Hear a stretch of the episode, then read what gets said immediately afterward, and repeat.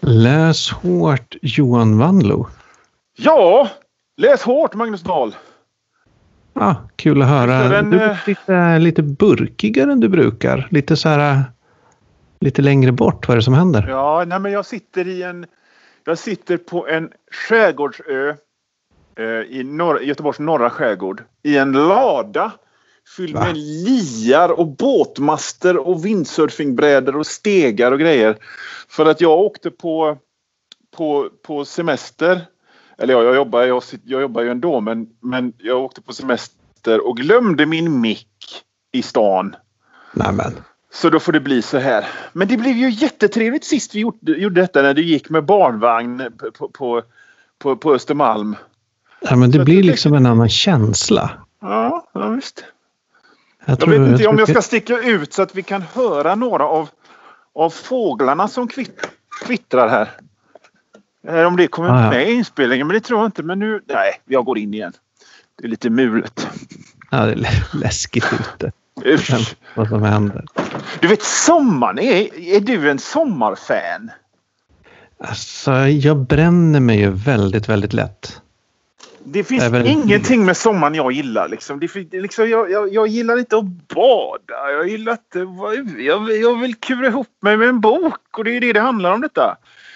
Alltså, jag är en höstmänniska, 100 Ja, procent. ja absolut. 100 procent jag med.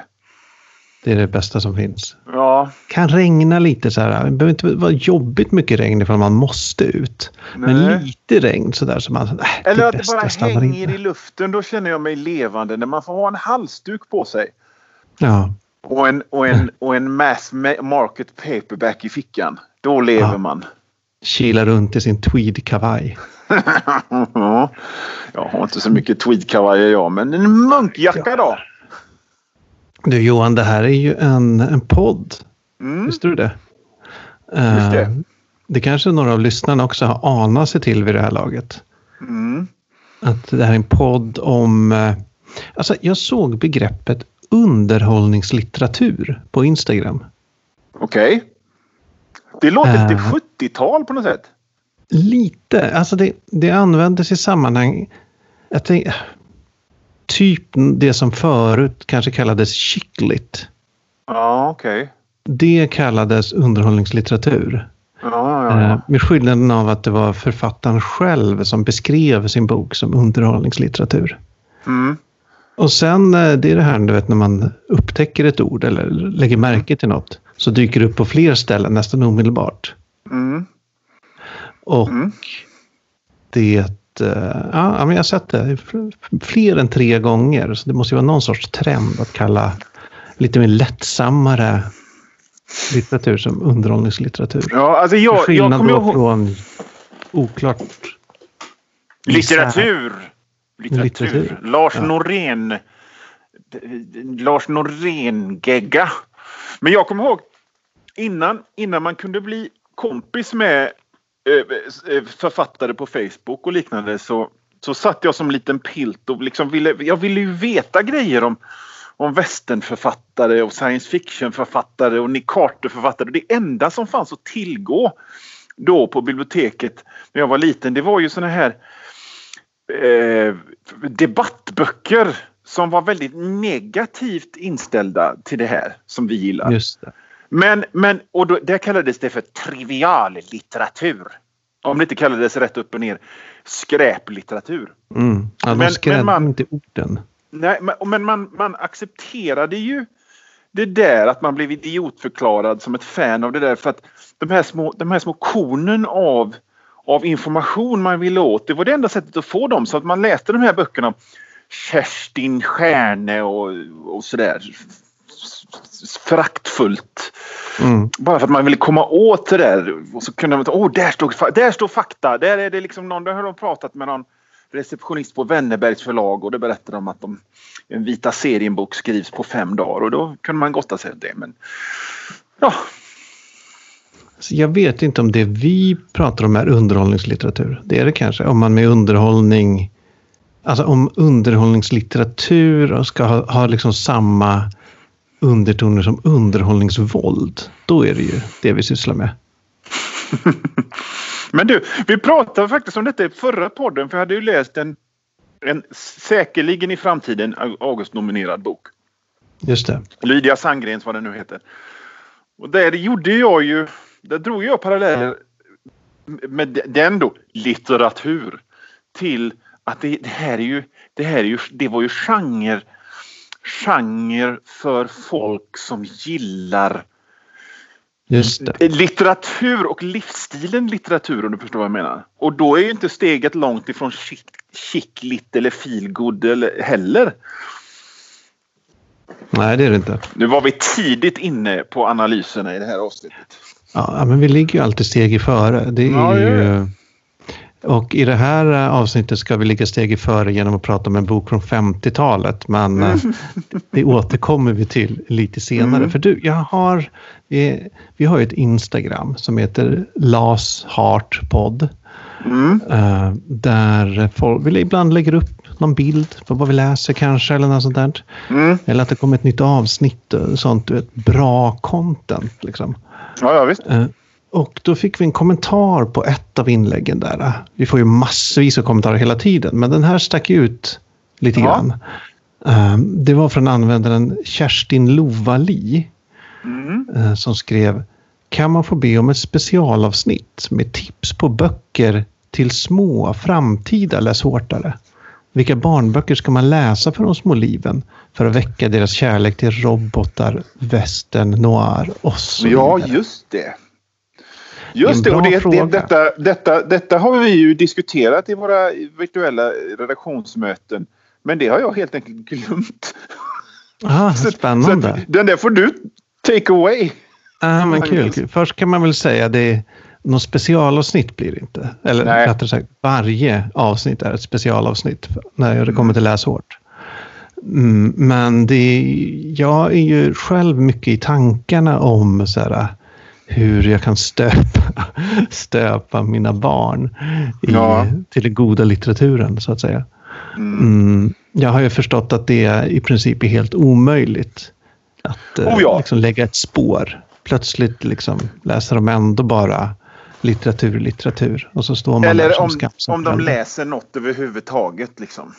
Ja, men de har väl någon TikTok-karriär. De hinner väl inte läsa? Liksom. Nej, de, de, har ju, de, har ju, de har ju videos på, på Minecraft och thaiboxning att titta på.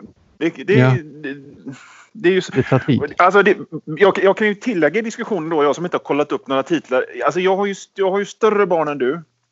Mm. Och vi gjorde allting rätt, jag och min fru. Vi läste för dem hela jävla tiden. Liksom. Det, var, det, och, och vi, det, är ju ett, det är ett hem fyllt med böcker, vårt hem. Uh, men det hjälpte inte. De, det läser inte speciellt mycket alls ändå. Eller jo, min ja. dotter lite. Hon, hon, du vet, det, det, är lite intressant. Det går trender så här. Liksom. Plötsligt läser alla Harry Potter. Och sen så har mm. de inte... Sen har de glömt det och så då läser alla de här cirkelböckerna och, och sådär. Men sen så är det tillbaka fem månader av TikTok igen. Alla kan ju inte vara lika fantastiska barn som vi var. Nej. Det får man kanske acceptera. Men jag kommer att tänka på något som Agnes Wold, denna nationalikon, skrev på Twitter för, det är säkert jättelänge sedan nu, mm. angående så här äh, uppfostran, eller arv kontra miljö och sådär. Ja. Och hon menar då att okay, det, det, största faktorn i hur ett barn blir är ju arvet, så generna och sådär. Det påverkar ja. mer än någonting annat. Ja. Uppfostran, med lite sådär. Men det näst viktigaste är barnets eh, citattecken personliga miljö. Slutcitat. Alltså det vill säga det? vilka kompisar barnet har, vilken skola den går i, vad den har för fritidsaktiviteter. Alltså liksom det... Alltså ja. livet som, som det är för just det barnet. Alltså inte ens syskon ja. har ju liksom samma personliga miljö. Nej, för att nej. föräldrar behandlar dem olika, de har olika klasser, de har olika kompisar, eh, etc. etc. Uh, det är väl därför man är så rädd att ens barn ska liksom hamna i dåligt sällskap. Nu återkommer jag. Nu går jag tillbaka. Ja. Uh, för att det då... Nu blir det lite, lite svaj i inspelningen här. Vi går tillbaka till... Ja, nu är jag tillbaka. Ja. Nu hör jag dig. Uh, håll dig där det är vad det heter är det? internet. Jag håller med det, det är wifi. Ja, Nu är det bra. täckning igen. Förlåt. Ja. Barnets eh, kompisar och så vidare. Där var vi. Ja, Mm. men det, det, det påverkar mer än liksom nästan all uppfostran du kan uppbåda. Ja, så ja. Så det, är det ditt de menar med att hamna i dåligt sällskap. Ja, men precis. Att man hamnar med folk som inte läser. Eller läser kanske Kafka. Ja, du hör ju.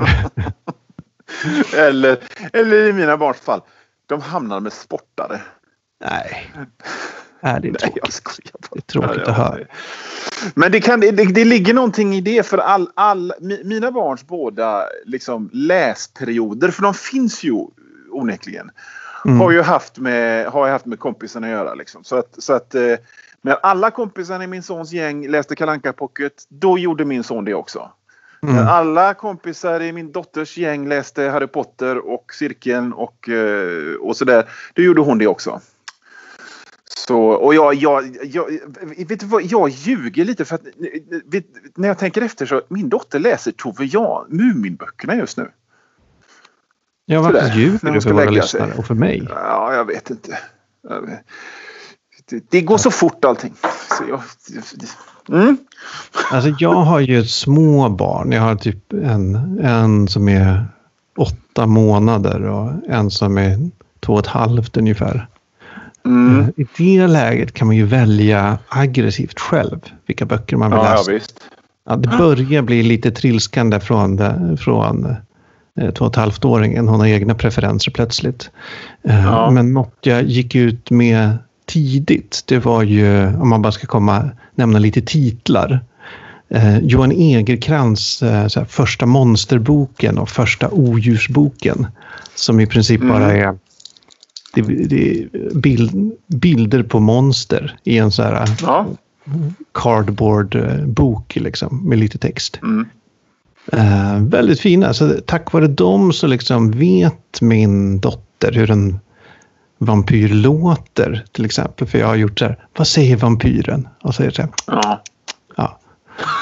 Det, det är succé. Hur låter draken? Och så här. Det har gått så långt att hon hon leker mycket att det finns drakar på olika ställen. Att typ jag är en drake eller så. Ja. Eh, Så det känns ju, det är fantastiskt tycker jag. Mm. Hon har Jag också tycker det, det är väldigt för... Jag, jag, kan inte, jag kan inte gå vidare från det här med att vampyrerna låter... Du vet, du vet, du vet det här med vampyrernas sexighet och det här Anne Rice gothballa. Det- försvinner fullständigt när man hör ljudet. Jag ser bara, jag ser bara Christopher Lee fast med överkamning framför mig när jag hör det ljudet. Okej, fortsätt. Ja, men det, ljudeffekter är viktigt. Fråga Mm. vem som helst. Ja, Uh, men hon har också fastnat lite. Det är en, egentligen en bok som är, är, är liksom, eh, för större. Den här Peter Bergtings Drakar, stora boken om bevingade västar. Som eh, hon fick av dig. mm, just det. Eh, och, och där är hon ju inte intresserad av texten överhuvudtaget. Hon bryr sig liksom Nej. inte om eh, glauring, vad det är för någon. Men hon vill ti- titta på liksom de små drakarna, bilderna på de små drakarna. Eh, eller Pytte, ra, som hon kallar dem. Ja. Eh, och, ja, det, så den bläddrar vi nästan varje nattning. Det är väldigt kul. Trevligt. Ja. Hennes favorit är eh, ett dra några drakar från en eh, vad heter den? Charmed Life av Diana Wynne Jones. Som Mm. finns med den här eh, som Berting-boken. Som jag inte har läst. Men jag ska nog göra det för att få lite sammanhang. Där, Ja. där är det liksom bild på en drake som sitter i sitt ägg fortfarande. Okej. Och hon är väldigt fascinerad av den och pratar om att den inte kan gå. Och du vet så mycket Ja, ja. prat. Mm, så det är kul. Eh, vad mer kan jag tipsa om? Eh, det finns någon tjomme som skriver om den flygande kaninen. Just det, han ja. Den har, den har, just nu är den lite i onåd. Eller hon, den har liksom fallit Jaha. bort. Oklart varför. Det är Ja. bara saker går i vågor. Eh, nu är det mycket Alfons istället. Ja, ja det, så att, så att eh, vardagsrealismen har slått sina tristessklor i henne. Trots att, Grejen jag kan ju säga det. Alfons, är ju att det är mycket så här, det är trollkarlar och monster och alltså det är ändå mycket, inte övernaturligt, men liksom att Alfons går och fantiserar om olika övernaturligheter. Ja. Men, men du, jag tänker på, jag tänker på, för att vad, vad, vad gillade du själv? För Alfons läst, vi, vi fick ju jag uppläst för mig när jag var liten. Vad gillade du mm. själv när du var den åldern? Kommer du ihåg det? Eh, nej, jag har typ inga minnen från när jag var den. Jag kommer ihåg att vi läste Alfons. Mm. Och ibland nu när man läser, lånar liksom böcker från mina svärföräldrar mm. Eh, som har jättemycket böcker för de har haft tre barn. Liksom. Mm. Och eh, ja, men ta en travare och plötsligt säger oh, men det här känner jag igen. Så känner jag igen liksom, en, ett uppslag i berättelsen om någon. Så, här. så det här, den här urnan känner jag igen. Det här måste jag ha läst när jag var liten. Ja. Men jag har liksom inga minnen i övrigt av det. Uh, mina första, så här, det jag kommer ihåg vad jag läste, det var nog, det var, var ändå i skolåldern. Ja. Då, så här, Narnia var en tidig favorit. Ja. Som började med att lärare och lärare läste högt ur den. Ja. Och sen uh, fick man fortsätta.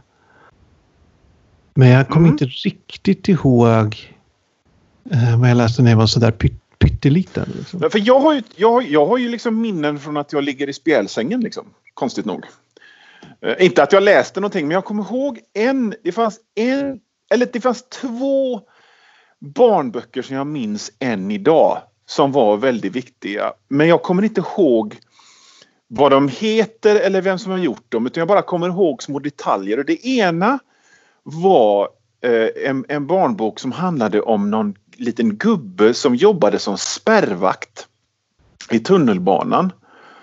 Okay. Och som träffade en liten kille och så minns jag inte så mycket mer än om att de bygger ett stort fantasihus. Och att boken slutar med att de bygger en trappa upp i himlen och bort. Liksom de bara de lägger, liksom, de, de går i trappan och så, och så de har liksom två trappsteg och så flyttar de bara dem och så bara fortsätter de bort. Det är allt jag minns. Eh, och den, den ingen, ingen klocka? Ingen, nej, nej och, och, jag har pratat med, om den här med många och det, någon känner igen det väldigt väl men jag kommer ihåg att jag älskade den. Sen var det någon bok som handlade om katter som eh, flög pappersflygplan. Väldigt realistiskt tecknat om katter som gjorde det. Och jag minns inte heller någonting av det. Men om någon känner igen det här kan de väl skriva i vår Facebookgrupp och tipsa om ja, vad det kan vara för något. Eller skicka ett meddelande på Instagram. Det går också ja, bra. Det går också bra. Ja, nej, men uh, bara, jag tycker mycket så här, hur introducerar man barn för här robotar? Och, robotar kanske inte är så lätt. Fast jo, i och för sig, det finns en robot i Babblarna numera. Mm -hmm. Så det är ju ganska lätt. Och western känns också som en så vanlig... Alla du, känns det inte som en cowboyperiod. Har de verkligen det numera? Vet inte. Nej, jag tror inte det. Jag tror jag var den sista som lekte cowboy faktiskt. Men du, tror du inte det kan vara lite så här att just det här med med eh, sci-fi och sånt här att det är, det är ju mer mainstream nu än vad det var när vi var små. Mm. För att jag kommer ihåg jag kommer ihåg man fick ju ägna sig åt sånt som inte var specifikt barninriktat som liten rymdintresserad palt. Jag kommer ihåg, Pilt heter det väl. Om, jag kommer ihåg hur, hur Blixt, de gamla Blixt Gordon filmerna gick på tv när jag var liten.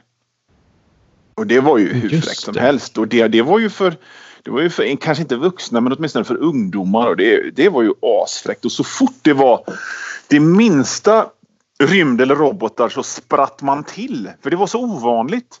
Jag kommer ihåg till exempel hur, hur Stålmannen-filmerna hade kommit. Och det var 1978 kom den första. Och då var jag mm. fem, sex år.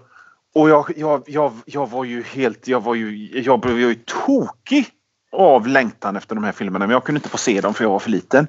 Och så var det något sånt här barnprogram när någon tjock gubbe bara klädde ut sig i Stålmannen direkt och det räckte.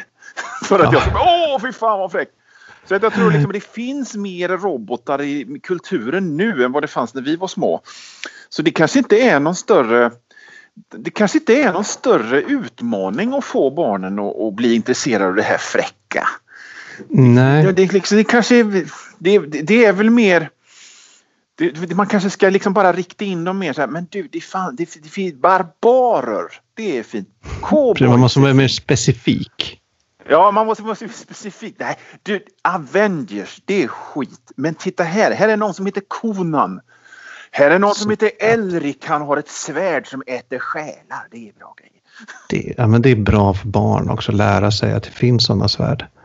Eh, jag tänker i allmänhet så får ju, det är mycket barnböcker som har de här elementen i sig. Mm. Alltså när Astrid Lindgren är ju typ 90% fantasy liksom. Du, inte, ett, ett litet sidospår. Jag har ju tänkt ja. på Astrid Lindgren för att vi, vi har ju naturligtvis läst asmycket Astrid Lindgren för barnen. Mm. Och, och, och det slår mig att hon har så väldigt många olika sidor Astrid Lindgren. Dels, alltså jag menar, jag, jag, jag, vi, vi, läste Emil för barnen och då, alltså jag skrattade så magen hoppade. För det var så roligt. Och sen så läste man eh, Saltkråkan och man nästan dog av tråk. Och sen läste man Mio min Mio. Och Mio min Mio kom ju, kom ju, alltså man undrar ju om Astrid Lindgren köpte Sagan om ringen på engelska när den kom och blev inspirerad. För att jag menar det är ju ett pionjär pionjärverk, inte inom bara svensk fantasy utan fantasy överhuvudtaget. Håller du inte med? Alltså det var så länge sedan jag läste den. Jag har nog mm. inte läst den sedan jag var liksom småbarn. Nej. Nej, jag bara mm, tänker på inte. att det är liksom 50-tal och att, att det, jag menar det fanns ju inte så mycket exempel på... Eller jag, jag, jag vill, jag vill gärna att Astrid Lindgren gick ifrån jobbet på Rabén och Sjögren och så gick hon förbi någon sån här kiosk som sålde internationell press och där köpte hon pulpmagasin och läste fantasy. Det, det, var jag, det är min fantasi i alla fall. Det är vad jag vill hände. Vi säger att det är så. Vi säger att det är så. Astrid För övrigt kan jag för övrigt kan jag rekommendera Astrid Lindgrens eh, Draken med de röda ögonen. Mm -hmm. Eh, inte hennes mest kända verk kanske. Nej, Illustrerad av Ilon Wikland. Väldigt eh, mysig liten eh, barnbok. Mm. Handlar om eh, ja, en, en gris som föder tio kultingar och en drake. ja. Ser en, en, en liten flicka som berättar om den här konstiga sommaren med draken. Den är väldigt mysig. Det kan jag tänka mig. Jag har inga... Jag, har in, jag, jag, jag, jag försöker fundera på vad som skulle kunna vara sådär men... Nej, det, vi läste Petson för barnen. Om och mm. om igen. Petson åker rutschkana. Kan jag nog förmodligen utan till än idag. Jag, jag tänker inte så här, se upp till bevis nu. Nej, nej, bra. Det är också en massa konstiga varelser och så här mucklor och allt vad de heter. Mm, jo, ja, det är lite. Det, det, det... Ja, mm. nej. Ja, ja, men vad, jag kanske... ser att jag, jag gjorde min läxa dåligt till det här programmet. Det är bara att inse. Men, ja. ja jag är besviken. Mm, jag förstår. Men vi skjuter ju från höften i det här programmet. Ja, ja, vi, vi på charm. Manus. Som bär svärdet på ryggen och bara vevar på. Ja, alltså manus ser vi, fnyser vi åt i det här programmet. Men du, har du läst något sen sist då? Du, alltså. Jag, jag, nu är det ju så här att som frilansare i dessa tider så, så, så, så är det ju lite så att alltid innan semestern i, i, i pratande stund så är det fyra dagar kvar och sen ska jag vara ledig i en månad. Och då blir det är alltid så jävla mycket att göra då innan. Så att jag har liksom inte haft tid att läsa eh, någonting direkt utöver boken som vi pratat om. Och några andra och de har liksom inte varit så, så, så läs hårt inriktade. Utan jag har bara hunnit läsa två böcker och den ena är Hail to the Shin av, av skådespelaren Bruce Campbell, du vet Ash Evil Dead. Ja hans andra eller tredje självbiografi. Och den blev jag jävligt besviken Är det så han försörjer sig nu eller? Ja, typ. Får skriva självbiografier? Ja, nej, men det är hans tredje bok eller någonting. Och, och jag var ganska besviken på den för att det handlar mest om hur han anlå, anlade trädgårdar och i, i Oregon. Så, va? Och sen har jag läst Peter Englunds, du vet före detta ständig sekreterare i akademin. Hans mm. senaste bok som är en true crime-bok om ett, ett mordfall som, som ingen bryr sig om. Som heter Söndagsvägen. Och den var jättebra och jag var jag har aldrig läst någonting av Peter Englund tidigare eh, men jag var överraskad över liksom vilket lättsamt språk och vilket vilket liksom, hur, hur, han, hur allting är liksom fyllt med en liten syrlig humor hela vägen. Det trodde jag inte att det skulle vara så lättläst. Jag läste den verkligen bara på några timmar den här boken. Men Kul. så det är väl det jag har läst men ingenting kan väl kännas direkt läs hårtigt. Jag håller på med en samling med noveller ur Häpna. Det kom en bok 2015 som handlade om den gamla svenska science fiction-tidskriften Häpna. Mm. Och så är det liksom lite fakta och lite eh, noveller och så. Men jag tycker det är ganska mastigt att plöja noveller. Av någon anledning. Så att jag har bara läst sådär en, en tre stycken och sen har jag fått en, ta en paus. Jag, det, jag tycker det är omöjligt att läsa tre noveller på raken sådär. Men, men jag, ja, det är faktiskt, det jag trevligt. håller med där. Novellsamlingar är, får man ta lite pö om pö. Ja. Så den håller jag på med. Och det är jättetrevligt på något sätt. Jag, som jag sa, jag, jag, jag, vill, jag vill att det ska bli en sci-fi sommar den här sommaren. Mm. Underbart. Har du läst någonting då? Ah, ja, mycket barnböcker. Men mm. jag, jag, kan ta fyra snabba tips av bra grejer jag har läst. Mm. Det är två seriealbum och två, uh, vad heter det, böcker. Mm. Dels läste jag Kieron Gillens Die, första volymen som heter Fantasy Heartbreaker. Mm. Eh, serie om eh, ett gäng ungdomar som spelar rollspel och plötsligt händer något konstigt. De försvinner. Mm. De är borta i typ ett par år eller vad det är.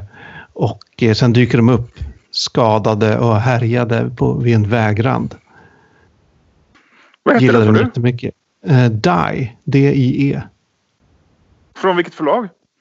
Uh, du, det kan jag inte i huvudet men om uh, jag tittar lite snabbt här så är det från... Jag köpte den Mixology. Så mm. uh, förlaget heter Image. Och så det ja. Konstigt att mm. jag aldrig hört talas om den. Märkligt. Uh, jag gillade den jättemycket. Läs ja. den. Sen läste jag, också, sen läste jag uh, Abbott av Saladin Ahmed. Mm -hmm. tecknad av Sami Kivele.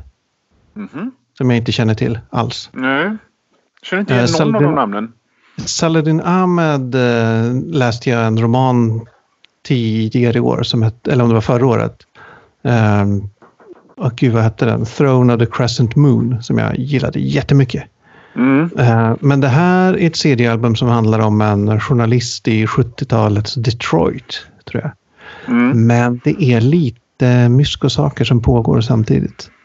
Och man gillar ju det när det pågår lite myskosaker i bakgrunden. Åh, vad det är ja. härligt. Sen kommer det i framgrunden kanske. Vem vet? Ja. Men eh, det var väldigt bra i alla fall. Abbott. Eh, jag läste också en novellsamling av Saladin Ahmed som hette Engraved on the Eye. Eh, som dels har några stories från eh, hans Throne of the Crescent Moon-värld. Mm. Men också mycket annat. Lagom längd på novellsamling, som bara dryga hundra sidor. Det kan jag uppskatta. Ja, jo, absolut. Det finns ju någon så här när man samlar noveller att ja, men vi tar allt. Och så är ja, det en pjäs på 700 sidor som man aldrig orkar ta sig igenom. Eh, och slutligen skulle jag vilja tipsa om eh, Silver in the Green av Emily Tesh. Mm. En liten eh, kortroman om eh, en eh, lortig snubbe som bor i en skog. Mm. Jävligt bra. Läs dem allihop. Det låter härligt. Ja, det var kul. Ja, men du, alltså, jag, får, jag kommer att tänka på detta, det här vi snackar om, om, om, om, om eh, noveller och då, då bara jag vet inte, jag, jag kommer bara att tänka på lite grann. Vi, snackar, vi, säger, vi pratar om det hela tiden i det här programmet, om, om böckers längd och hela tiden. man vill ju... Det är ju, det är ju inte så att man längre behöver läsa för att... Om man vill ha underhållning så finns det ju så mycket mer val än att just läsa. Eller hur? Mm. Och liksom att noveller inte är lika populära som de en gång var när de gick i novellmagasin och folk köpte sig ett, ett magasin fullt noveller och, och så tänkte de och så stod det 52 sidor i färg och tänkte åh 52 sidor det är mycket, det räcker länge, det räcker hela veckan. Utan man vill ju, man vill ju, man vill ju ändå komma igenom de här grejerna. Man vill ju man vill ju döna igenom böckerna som man köper och känna att liksom man har gjort något också. Så här, Åh, härligt, nu är jag färdig med den. Jag tror liksom Ja. att det är det som är lite grann talar emot noveller. Och just det som jag sa innan att det blir lite mastigt att läsa många 15-sidiga noveller. För det är ändå en story liksom. Och nya figurer som man ska bry sig om och sådär. Så man blir liksom... "Uff, nej, nu, nu tar jag en dusch eller äter något. Ja, men jag, en alltså, även, noveller. även fast jag liksom nu inte jag, har- jag har hoppat av den här Goodreads Reading Challenge som jag pratade Ja. om tidigare i år. Eh, så känner jag ändå så här, man, man, jag har ju en jävla hög böcker som jag vill läsa liggande. Ja, Och då är det ju klart, för att kunna läsa nästa behöver jag ju läsa klart den jag läser nu. ja, Men det är ju bara, problemet där är ju bara att jag har så många böcker jag är sugen på. mm. Det är ju också det, man vill så här, mm, jag vill till nästa guldkorn liksom. ja precis. Och då blir det liksom lite, om, då, då, då blir det lite så här när man sitter med någon jävla 700 sidor all Lovecraft. Ja, liksom, som man har hållit på med i ett och ett halvt år. Man blir liksom lite... Uh, nej, jag tar den här. Jag tar den senaste snygga nya boken istället. ja, sen får man väl också bara inse att vissa, de här 700 sidorna Lovecraft, det kanske, man kanske inte gillar det egentligen. Och det är därför Eller- det tar så lång tid. Eller att... Och, och, jag är ju sån i alla fall att om jag har, om jag har en novellsamling om jag har en stor saftig 1100 sidor bok med all Conan så, så, så vill man ju, åtminstone jag, jag blir ju, Disney är någonting som skriker i mig ifall jag skulle läsa dem ur ordning. Man vill ju läsa dem i kronologisk ordning. Och då är det ju, Mm. när det till exempel gäller Lovecraft, då är det ju 200 sidor crap. Då är det ju, Ja, han hade är det ju liksom, dynga alltså. Ja, och, och speciellt i början. När de, jag, jag har någon e-bok med verkligen komplett Lovecraft och då är det så här. Jaha, ännu, ännu en dikt ifrån en studenttidning. Ja, Men då måste man ändå liksom läsa den skiten tills man kommer till det goa. Och sen finns det det här deppiga också om man, har lä- om man läser en sån här retrospektiv över en hel karriär. De här lite... Jag kommer ihåg och tänkte när jag läste en box med kompletta serier med Gaston av Frank Hann. För då var det liksom början, lite valhänt. Sen var det mitten, Krafts dagar liksom. Snyggt tecknat som fan och roligt som in i helvete. Och så är det de sista 150 sidorna av någon i ålderns höst som är lite trött. Det är deppigt. Man blir, liksom, man, det, man, man blir påmind om livets, ens eget åldrande och livets skrumpnande på något sätt som man inte vill. man vill ju bara läsa det bra egentligen. Ja, och man vill ju ha skoj hela tiden. Ja. Ja, alltså vi har ju, du har ju nämnt eh, Guillermo del Toros bevingade citat. I don't, eh, vad fan man säger, I don't make, have homework with my life eller något sånt. Just det. Eh, Så är det. Mitt liv ska Man inte vara borde ju läxa. tänka på det oftare själv. Liksom. Detta Ja, verkligen. Ja, Men men, du- du, eh, på tal om eh, Och ha skoj. Ja, Mm. och ha skoj. Eh, vi har ju läst Kontraspion i rymden av Charles L. Fontenay. Just det. Utgiven det, och- och- 1959. I- Rymd i rymdböckerna. Just det. serien. Och då måste jag väl kanske dra lite bakgrund till varför jag valde just den. Ja, men gör det. Ja, och det är, det är lite så här att jag, jag har känt, jag har liksom haft ett sug länge nu att, att läsa SF. Och framförallt klassisk gammal SF. Så det hade jag tänkt göra den här sommaren. Och då tänkte jag att var- varför inte inleda eh, SF-sommaren 2020 med att läsa Läs hårt-boken. En, en, en, sån, eh, en sån bok. Att det just blev den berodde på att jag råkade ha två stycken. Mm. Helt enkelt. Och, och, och att jag valde... Det, det är någonting med Science fiction, det är ju fräckt i sig, men det är något speciellt med gammal science fiction. För även om boken i sig kanske inte är så bra så sitter jag alltid och gottar mig åt att det här kom ut för 65 år sedan. Och så mm. tänker jag på samhället eh, för 65 år sedan. Och jag tänker på liksom vilket sorts eh, vilket sorts liv som levdes hos den som, de som läste de böckerna en gång i tiden. Eh, liksom hur deras liv såg ut mm. på 50-talet och hur media såg ut och hur det här måste ha upplevts för dem. Jag tycker det blir en dimension extra. Jag läste, jag skulle ju naturligtvis letat upp det här citatet innan men Sam J Lundvall vet du vem det är va? Ja, det känner jag till. Ja, och det är, det är, det är en av Sveriges science fiction-pionjärer. Han drev bokförlaget Delta. Det är de här, det är de här gula science fiction-böckerna som, som kom ut och han, han drev Jules Verne-magasinet och, och, liknande. Och han, skri, han, han, han, har, han berättade om hur, hur, hur han blev gripen av science fiction. Och det är ett sånt otroligt vackert citat som jag borde ha i huvudet men det är någonting i stil med att han sitter i, vid någon bondgård vid någon sjö och han kliver ombord på rymdskeppet eh, Aria, liksom Orion eller någonting. Och han har inte klivit ner därifrån och det hela började vid, liksom en, vid, en, vid Ljusnans sjö en sommarkväll. Och det där, det där tycker jag alltid känns så jävla starkt när man läser gammal science fiction.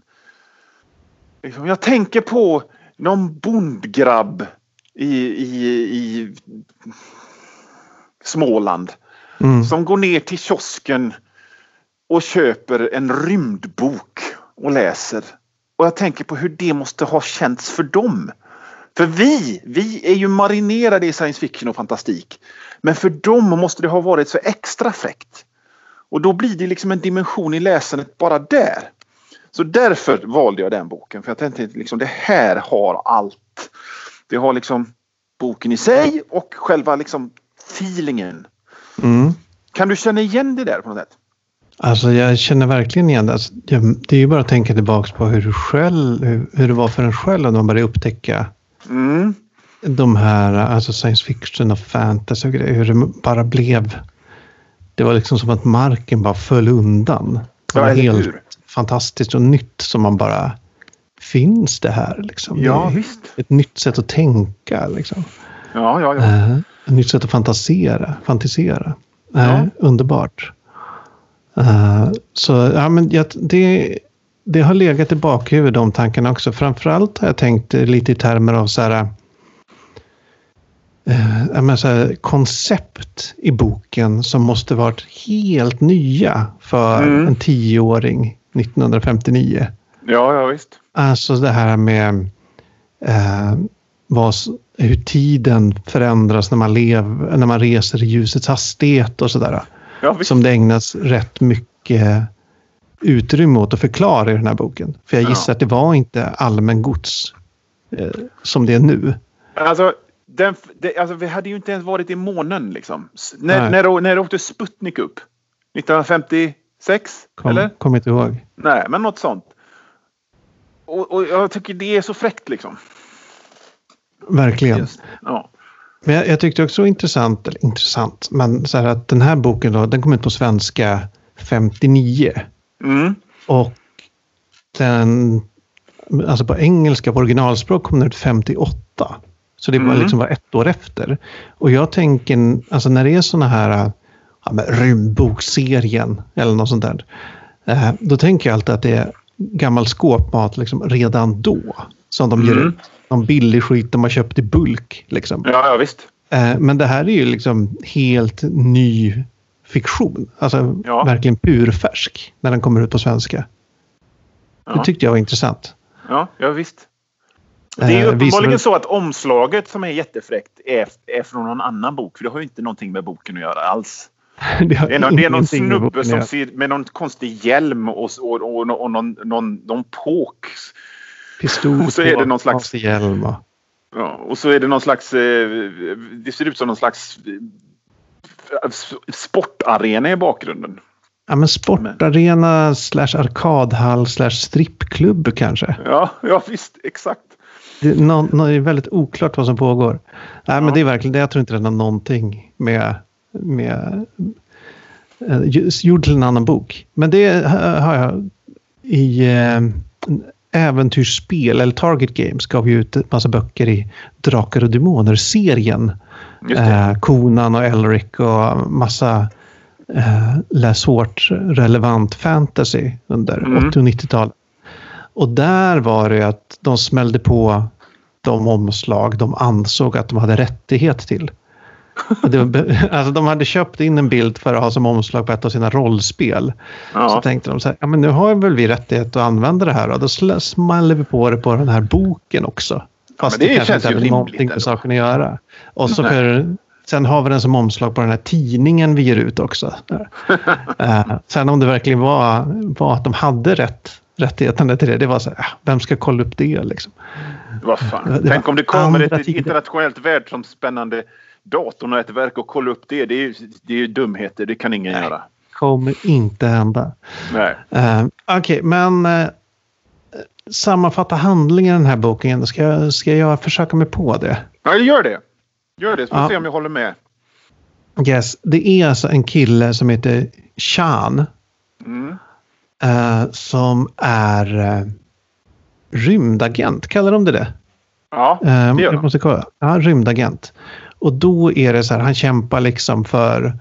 Eh, alltså, han verkar vara med i någon sorts eh, intergalaktisk eller interplanetär regering på något sätt. Som typ att han är EUs utsände för att åka Ja. runt och liksom håller koll. Eftersom hans rymdskepp går i ljusets hastighet så kommer han fram jättesnabbt och kan liksom eh, avstyra en revolt som deras samhällsvetare tror är på gång och sådana Ja. saker. Och, och, och, och värde, världarna är, det är liksom inte som Star Trek att de åker iväg någonstans och där möter de med en knöl i pannan. Utan allting utstrålar ju ifrån jorden och jordens kolonisatörer. Och hur världarna har förändrats efter det.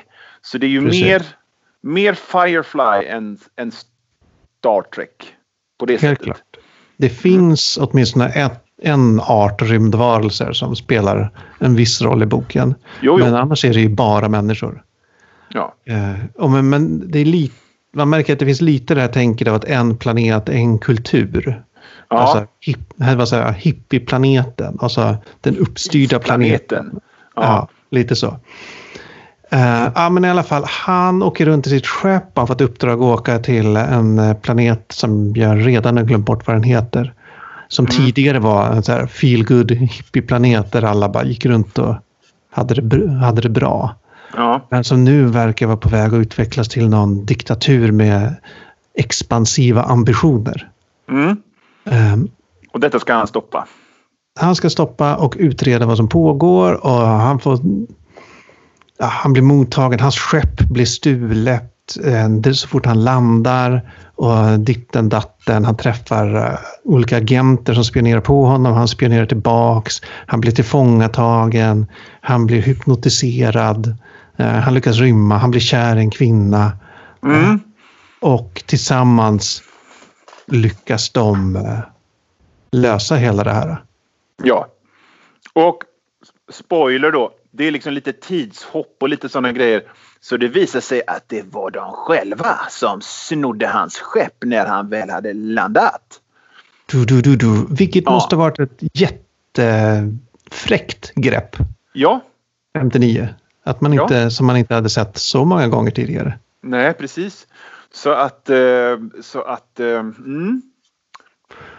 Ehm, Och, jag, jag, jag, jag tyck, vad vad tyckte du om det då? Ja, det nyfiken alltså, jag sk- har skrivit en anteckning här. På det stora hela 100 procent som förväntat.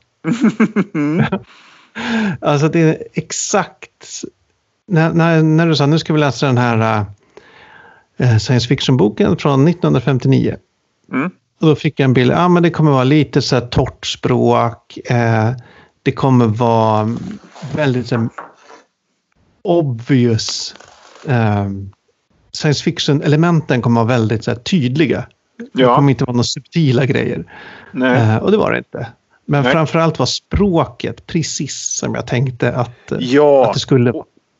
Och, och jag måste säga att just språket kände jag var en av, av tillgångarna i den här boken. För jag älskade det här torra, vältaliga 50-talsspråket. Det här Ja, väldigt det- sakliga sättet att skriva och liksom inga större åthävor åt något håll utan bara liksom torrt. Och när man då skriver om fantastiska grejer så blir det så extra bra på något sätt. Ja, det funkar. Den, eh, det funkar bra, men det, det suger inte in mig. Alltså det funkar Nej. liksom lite kul att läsa det. Men det Apropå blir aldrig så här att jag- jag blir uppslukad. Nej, nej, nej, det är ju inte, det är inte, det är ju inte något, det är inte något saftigt språk. Det är ju inte liksom, det är ju mer, det är ju mer en, en, en matematiker som berättar en lustig anekdot än någon som sitter vid en lägereld och de, som sitter, de andra vid lägerelden lutar sig fram för att se vad som händer. Jag gjorde en poäng i förra avsnittet när jag presenterade den här boken att den var översatt av Bengt Öste. Mm. Och det var ett namn som talade till mig. Jag kommer ihåg det någonstans ifrån. Han var alltså programledare för fiskeprogrammet Visst nappar det. Ja, det känner, kommer jag ihåg. Ja. Jag måste nästan googla hur den ser ut vid tillfälle. Men en rolig sak man kan få reda på idag, nu Mm. när internet finns, som jag gissar att ingen som läste den här boken eh, när den kom ut kände till.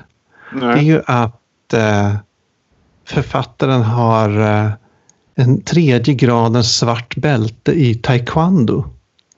Oj. Det Ja. måste ha varit ovanligt då. Det känns, jag vet inte, kampsport var väl inte jättestort på 50-talet va? Nej. Det känns som... Då måste han varit tidig med det. Ja, Det kom ju med Bruce Lee, det vet ju alla. ja men innan det fanns det inte. Men, men angående den här boken, dels eh, huvudpersonen. Mm. Eh, hur fan behandlar han sin fru i början? Ja, du, det tänkte jag. Det tänkte jag på. alltså, det, det, hans fru Ja. är gravid. ja, Eh, hon vet om att han är en sån här rymdagent och att han därför sällan är på samma ställe mer än två år. Och hon känner till det att när han reser iväg så kommer det liksom ta 40 år innan han kommer tillbaks. Men för, Ja. för honom har det liksom gått kanske tre år.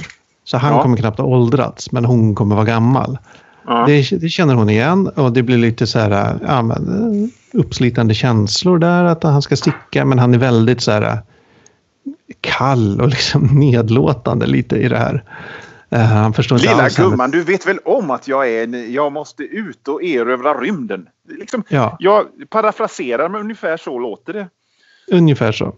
Ja. Och då kvällen, kvällen innan han ska åka så eh, bestämmer han sig då för, inte för att hänga med henne, utan då Nej. ska han gå på teatern.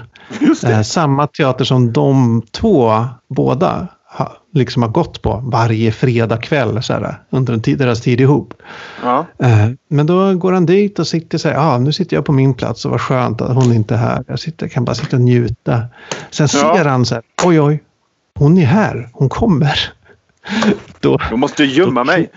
då, jag måste gömma mig. Då klär han ut sig. Så typ sätter på sig lösmustasch och grejer och typ färgar håret inne på toaletten. Ja. Och, och sen sätter sig på liksom, bänkraden bakom. Och iakttar när hon kommer och liksom blir besviken att han inte är där. Och ser lite ledsen ut. Ja, ja. Vad i, det- vad i ser lite helvete ledsen är Ja, det ja. för beteende? Det är skit. Och det, det är liksom så jävla totalt meningslöst för storyn. Ja, det har verkligen ingen med saken att göra heller. Och då, då behöver man påpeka att det, liksom, det nämns att han har haft hur många fruar och hur många barn. Ty- Typ 30 barn Mm. i, i galaxen sen innan. Så det, nej, det, jag måste, älskling, jag måste ju ut och Jag måste ut och vara rymdagent liksom. Det är inget snack om saken. det är väldigt Nej, det är skitkonstigt. Äh, äh, och sen, att det som det planterar, det är att han, vilket också är så jävla kallt, att han säger till sig nära, ja någon gång kanske jag träffar en kvinna som får mig att överge det här rymdagentlivet. Men det är Ja. inte du. Nej. Bara, Och Du hade sen, inte behövt säga det. Du hade inte Nej. behövt säga det. Det var en jättetaskig grej att säga. och, och jag menar, jag menar eh, och sen då så träffar han, har han, så åker han till den här nya planeten, träffar lite människor han ska spionera på, följer med ut på en trevlig utekväll och har ett one night stand med en kvinna som han sedan blir jättekär i. Ja, Direkt. den Två dagar senare. Ja. Med en gång. Eh, och det är ju... Här är ju författaren inte... Han vill ju gärna beskriva eller säga så här, och sen hade de sex. Jävligt hett sex. Det ville Mm. han skriva. Men det kunde man väl inte göra på Nej, 50-talet i en ungdomsbok. det han skrev man ju skrev inte så- ens i pornografiska romaner på den tiden utan det var bara och sen gled de in i extasens sällhet och tåget åkte in i tunneln. Och så, du vet, så att det är ju en Ja, ganska det- vågad skildring för att vara en sån bok ändå. Om man har läst andra sexskildringar, det vill säga skildring av inget. Det Mm. antyds liksom. Ja, men det antyds ju så här. Hon, hennes hår var rufsigt i nacken. Ja. Sådana såna antydningar. Ja, men i, allmänhet så är det ju väldigt mycket fokus på hur jävla snygg den här blondinen han träffade. Ja, Det återkommer de till. Väldigt så här, han är så snygg i olika kläder och utan kläder och rätt rätt Mm. uh, Det var en sak jag tänkte på. Dels att han verkar vara en douche. Dels att författaren är väldigt gillar den här att det är en så snygg blondin som han har fått med i Mm. sin bok. Men sen kommer vi till episoden där huvudpersonen blir kidnappad, fängslad och utsatt för hypnos under väldigt lång tid. mm. Han- En hypnobomb blir, blir briserad alldeles intill honom. Ja. Så han blir helt så här, wow. Och sen är det en professionell hypnosförhörare som håller honom fången ett tag. Typ. Och då tänker jag, hypnos är ju, det är inte en grej som är stort idag. Nej. Som liksom grepp eller som populärkulturellt fenomen. Nej. Men det känns verkligen som en eh, science fiction från 50-talet grej. Där var det mycket hypnos. Ja, det var det. Att det, man bara säger, ja, hypnos. Jag tänker på Mandrake också. Det mycket hypnos. Men så här är det ju. Den här boken insåg jag ganska... Jag har ju ändå läst rätt mycket science fiction. Och Mm. mycket av den science fiction som, alltså från den här tiden och äldre och senare. Och det finns ju mycket science fiction från den här tiden som räknas som klassisk science fiction. Mm. Och, och, och jag menar, samtidigt som Charles L. Fontenay höll på så höll ju Philip K. Dick på till exempel. Mm. Och Robert Silverberg och, och, och liknande. Så att om man, om man ställer... Och, och, och det är ju en enorm... För att jag håller, jag håller på att läsa en, en, en tidig Philip K. Dick nu. Som är... Den är tidigare än vad den här boken är. Den är från 56 eller 54 eller någonting. The Cosmic Puppets. Och det är ju en enorm klasskillnad. Mm. Så det här är ju, det här är ju pulp i jämförelse med mycket annan science fiction från samma tid. Det finns en anledning att vi pratar om vissa författare än idag och att Charles L. Fontenay inte är en av dem. Nej, Han är inget, inget household name. Nej. Och, och, och, och för att det är ganska torftigt liksom. Men Ja, alltså, samtidigt så... jag fick ju kände- kämpa för att ta, igenom, ta mig igenom den här boken. Måste Var det jag så? Jag läste den Ja. ändå på två dagar. Jag kände ändå liksom att ja, okej, kanske inte så roligt skriven. Och, men det var, det var tillräckligt mycket feeling för att jag Mm. skulle tycka att jag, var, att jag var rejält underhållen i alla fall. Med, det var lite beskrivningar av, av just hypnobomber och, och, och rymdskepp och futuristiska städer på, på det här torra 50-talssättet. Så att det ändå, jag blev ändå så, ja, det, är, det är mysigt. Det är mysigt det här. Jag gillar detta. Mm. Jag tyckte ändå Ja, det var lite det var- trevligt. det var inte med glädje jag eh, la mig med den här i soffan. Det var det inte. okej.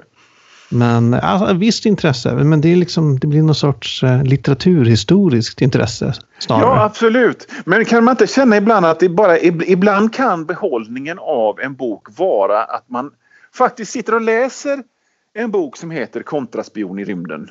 Jo. Utgiven 1959 i serien Rymdböckerna med ett helt flängt omslag. Det, Alltså, bara det, det, kan känns vara... ju... Att säga att jag har läst den Ja, känns ju mycket bättre än att faktiskt ha läst den. Än Ja. att läsa den. ja. ja, men då Eh. var jag nog mer förankrad i det, i det senare än vad du var, tror jag. Ja, men För jag håller ju med om det att det, var, det, det, det, det är ju en... Är ju, man är ju inte omedel... Det är ju som allt an, som det mesta sånt här gammalt som man konsumerar. Om det är gammal humor eller gamla serier. Det är liksom inte... Man får ändå liksom, ja nu, nu ska jag ta tag i det här. Det är ju inte sådär... Man får liksom sluta sig till att det är bra eller dåligt eller vad det är. Mer än att man upplever med alla sinnen att det är bra. Mm. Ja, men man går ju in i det med en så här, ja, nu ska jag läsa den här. Mm. Alltså det är så här, ja, nu ska jag läsa en bok som heter Kontraspion i rymden och har en jättekonstig gubbe på omslaget. Ja. Och, eh, ja, nu ska jag göra det, nu kör vi. Ja, Och det är ju lite det läs hårt är. Ja, det heter ju inte ja. läs mjukt. Eller Nej, läs utan om- friktion. Nej, för då kan man väl lika gärna läsa, jag vet inte, poptidningar eller något. Ja, men, ja, så att, så att, men man, då, då kan vi komma fram till att jag tyckte den var liksom lite roligare än vad du tyckte. Det tror jag. Ändå. Det tror jag inte. Men du, läser du någonsin? Du, alltså för jag, vi, vi har ju väldigt, liksom, vi har väldigt uppdelade intressen du och jag. Du är en fantasykille, det är verkligen inte Mm. jag. Jag är en SF-kille mer än vad du är. Kan jag tänka mig. 100 procent. Ja. Så är det. Och, och då undrar jag, läser du någonsin fantasy ifrån samma era? Eh, med samma intresse? Ehm, ja, det händer. Eh, inte särskilt ofta numera. För Nej. Eh, jag blev ofta besviken på den. Ja, jo. Mm, men ibland är det så här, ja men man har hört att någon är väldigt liksom tidig stark påverkan på genren och så där. Ja men då kan jag Mm. läsa The King of Elflands Daughter av Lord Dunsany sådär. Men eh, det blir också i det här litteraturhistoriska, det blir den ingången i det. Det är inte Ja. att jag läser det för att säga jag är så jävla sugen Nej, på nej. eh, på eh, vad det nu kan vara. Utan så här, ja, men det, jag vill se vad det var. Mer Ja. så. Man vill se också på hur det, hur det, har, hur det har påverkat det, det, det senare. För att jag menar, jag menar, jag, jag kan absolut, alltså för att jag, jag, jag, jag sträcker mig helst if- till, mot den nyaste boken som jag har. Mm. Utan det blir, man får verkligen säga, ja nu, nu men sen- finns det ju människor som, som är verkligen emot att att titta på en gammal film eller läsa en gammal bok. Men, och det är jag verkligen inte. Ibland kan Nej, inte jag tycka heller. att liksom, åh vad härligt, nu, nu ska. För att jag, men, men visst, det är ju en helt annan ingång. Det är inte så, det är, det är, det är, det är, så, det är för att förkovra sig i sin nördkunskap snarare än att bli underhållen en stund. Eller, Mm. eller uppleva någonting liksom in i nu, nuet. Ah, nu flummar jag. Men, men, Ja, eh, men det kan ju vara trevligt också. Men Ja. det är också en annan sak. Och man måste Mm. liksom vara lite beredd på att det är det man ska göra. Att nu vill jag, ja, men som Mm. du sa, förkovra mig. Och så Mm. gör man det. Men det är, Ja. ibland blandar man ihop liksom vad man är ute efter. Ja. att man går in och förväxlar sitt litteraturhistoriska intresse med, eh, med sin så här, jag vill bli underhållen intresse. alltså, och det, det händer ju Och väldigt ibland ofta. blir man ju såklart jätteunderhållen av. Absolut. Så är det ju. Men, Men, men, eh, men, mer ofta än inte så är det ju så här att man tänker så här nu. Som till exempel när jag skulle, fick för mig att jag skulle läsa Bigless. mm, Och då tänker man, då har man liksom någon slags bild av att nu ska det bli härligt med lite upper class twits. Och lite brittiskt uh, stiff upper lip uh, gosigt. Och så, så, så läser man själva boken och så är det jättetråkigt. Och så, och så känner man, ja men det här behöver jag inte göra om.